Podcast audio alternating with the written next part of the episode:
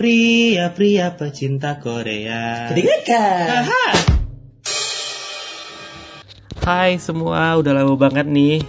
Celana nggak nyapa teman-teman semua. Yorobun semua Karena kesibukan banget dan ini udah hampir setahun ya kita vakum Pria-pria pecinta Korea. Dan partner aku eh, Indo juga nggak bisa join karena lagi kesibukan juga. Jadi aku bakal meneruskan eh, podcast ini untuk sementara sendiri. Nanti kita bakal cari-cari nih kesempatan buat partner aku bisa balik lagi eh, bincang-bincang tentang Korea. Nah ngomong-ngomong soal Korea, sekarang kayaknya sih banyak banget eh, artis-artis yang debut baru. Kayak misalnya ada Espa, ada Gravity, ada Wi, Wiai, ada Drippin, ada Enhypen juga kayak gitu. Nah mereka semua bisa dibilang menerima eh, gimana ya bilangnya? Kayak debut mereka tuh lancar gitu loh. Nah tapi teman-teman tahu nggak sih sebenarnya kayak ada juga masih banyak banget ternyata grup-grup yang udah lama debut tapi ternyata mereka masih belum terkenal kayak gitu. Maksudnya tuh mereka udah terkenal tapi kayak mereka tuh nggak diakui gitu loh. Maksudnya kurang mendapatkan pengakuan publik terutama di Korea. Mereka lebih aduh kebalik tuh suara gua. Oke, mereka lebih disukai di negara lain di luar Korea Selatan. Of course tentunya di Indonesia ya kayak gitu. Tapi mereka lebih disukai di Europe, ada beberapa yang ternyata lebih disukai di Amerika kayak gitu. Kita bakal bahas satu-satu hari ini. Siapa aja mereka? check this out. Oke, yang pertama itu kita punya Stray Kids. Ya, siapa sih yang nggak kenal Stray Kids? Eh, mereka yang berasal dari JYP ini ya, mereka yang dulu terkenal banget sama eh, survival show mereka. Itu ada Bang Chan dan teman-teman. Mereka debut di tahun 2017 dan fandom mereka itu bernama Stay. Sebenarnya sih mereka udah terbilang terkenal ya di Korea dengan lagu mereka yang kayak Backdoor, terus ada kayak uh, God's Menu, tapi uh, pengakuan publik di Korea masih kurang kayak gitu. Mereka lebih terkenal di kayak di Amerika Serikat atau mereka lebih terkenal kayak di Indonesia kayak gitu. Tapi untuk di Korea sendiri ya mereka memang masih bisa dibilang kayak uh, low gitu loh. Nah uh, mereka ini terbukti salah satunya kekurangan mereka itu adalah di saat uh, music show. Lagu mereka yang terkenal banget itu kayak Backdoors dan juga beberapa kayak uh, Shin Menu itu kayak ya terkenal aja gitu kan. Terkenal aja kayak di TikTok atau gimana. Tapi untuk win di music show sendiri itu masih kurang banget kayak gitu nah kalau nggak salah nih berita terbaru dari Stray Kids itu mereka didaulat menjadi uh, brand terbaru kosmetik yang bernama Clio nah ini mungkin menjadi first step mereka supaya mereka lebih sukses dan lebih luas lagi nih di Korea Selatan kayak gitu. Nah, tapi untuk konser-konser luar negeri mereka itu selalu sukses loh guys. Oke, kita masuk yang kedua ya, yaitu adalah Monster X. Iya teman-teman pasti tahu Monster X itu kan udah terkenal uh, Lana. Iya terkenal, tapi uh, di tahun 2017 apa di tahun 2016 setelah beberapa tahun mereka debut, uh, mereka mendapatkan kritisi yang sangat tajam di mana banyak orang-orang Korea Selatan yang mengatakan mereka uh, lebih ke arah physical more than musical gitu loh. Uh, fisiknya lebih dari musik kayak gitu. Mereka lebih mengutamakan musik kayak visual ataupun kayak tubuh mereka kayak misalnya Shonu kalau dulu ada Wono yang kayak memiliki abs otot kayak gitu-gitu ya daripada musiknya. Tapi menurut aku sendiri gue sendiri kayak musik musik itu selalu keren dan bagus loh kayak gitu. Nah mereka ini merupakan uh, grup kesayangannya Mon BB itu panggilan kesayangan uh, Monster X untuk fandom mereka dan mereka debut di bawah agensi yang bernama Starship. Nah lanjut adalah salah satu grup yang unik kalau menurut gue itu ada card namanya. Oh, tulisannya itu K A R D. Ini mungkin masih kurang terkenal banget.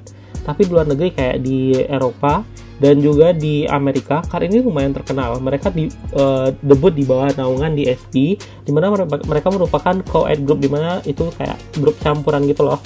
Nah itu ada dua dua member yang cewek dan dua member yang cowok.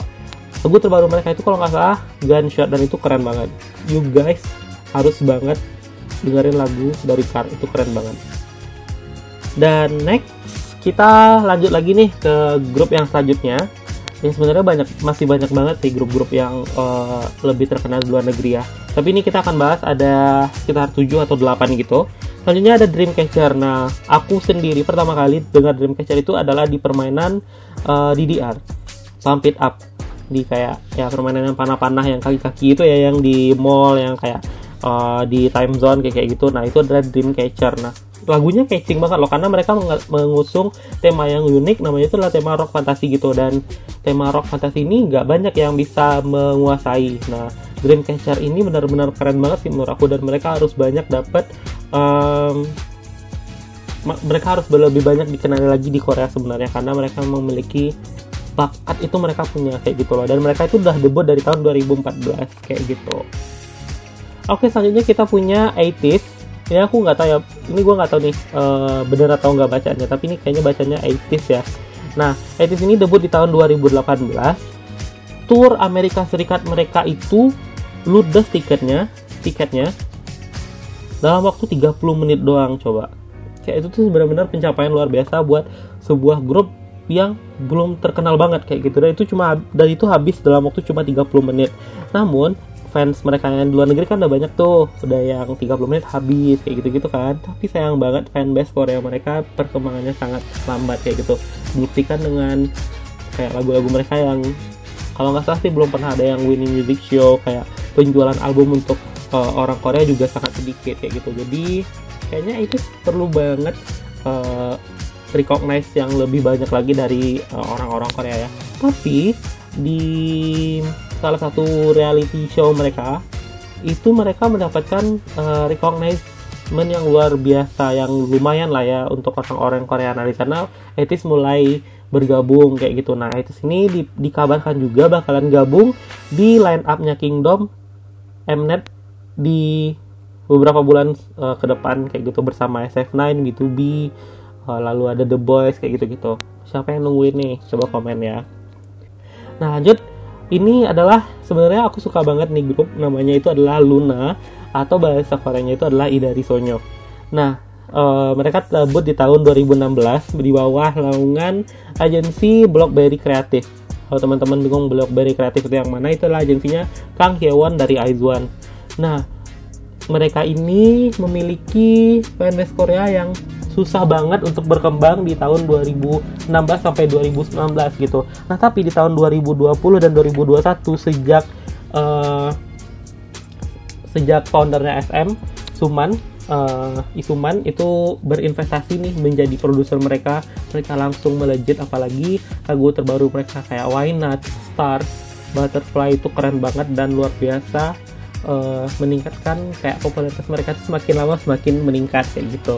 Nah kita doain aja nih semoga ke depannya uh, dari Sojo bisa lebih berkembang lagi. Sebenarnya masih banyak lagi sih uh, grup-grup uh, yang lebih disukai di luar negeri kayak gitu. Tapi ini adalah mereka-mereka yang lebih disukai di luar negeri gitu loh, yang lebih menonjol gitu kelihatannya. Nah, kalau menurut kalian siapa aja lagi kayak gitu? Dan kalau misalnya mau masih ada yang kalian pengen bahas, ayo komen di Instagram kita di pria-pria pecinta Korea. See you on the next podcast. Annyeong!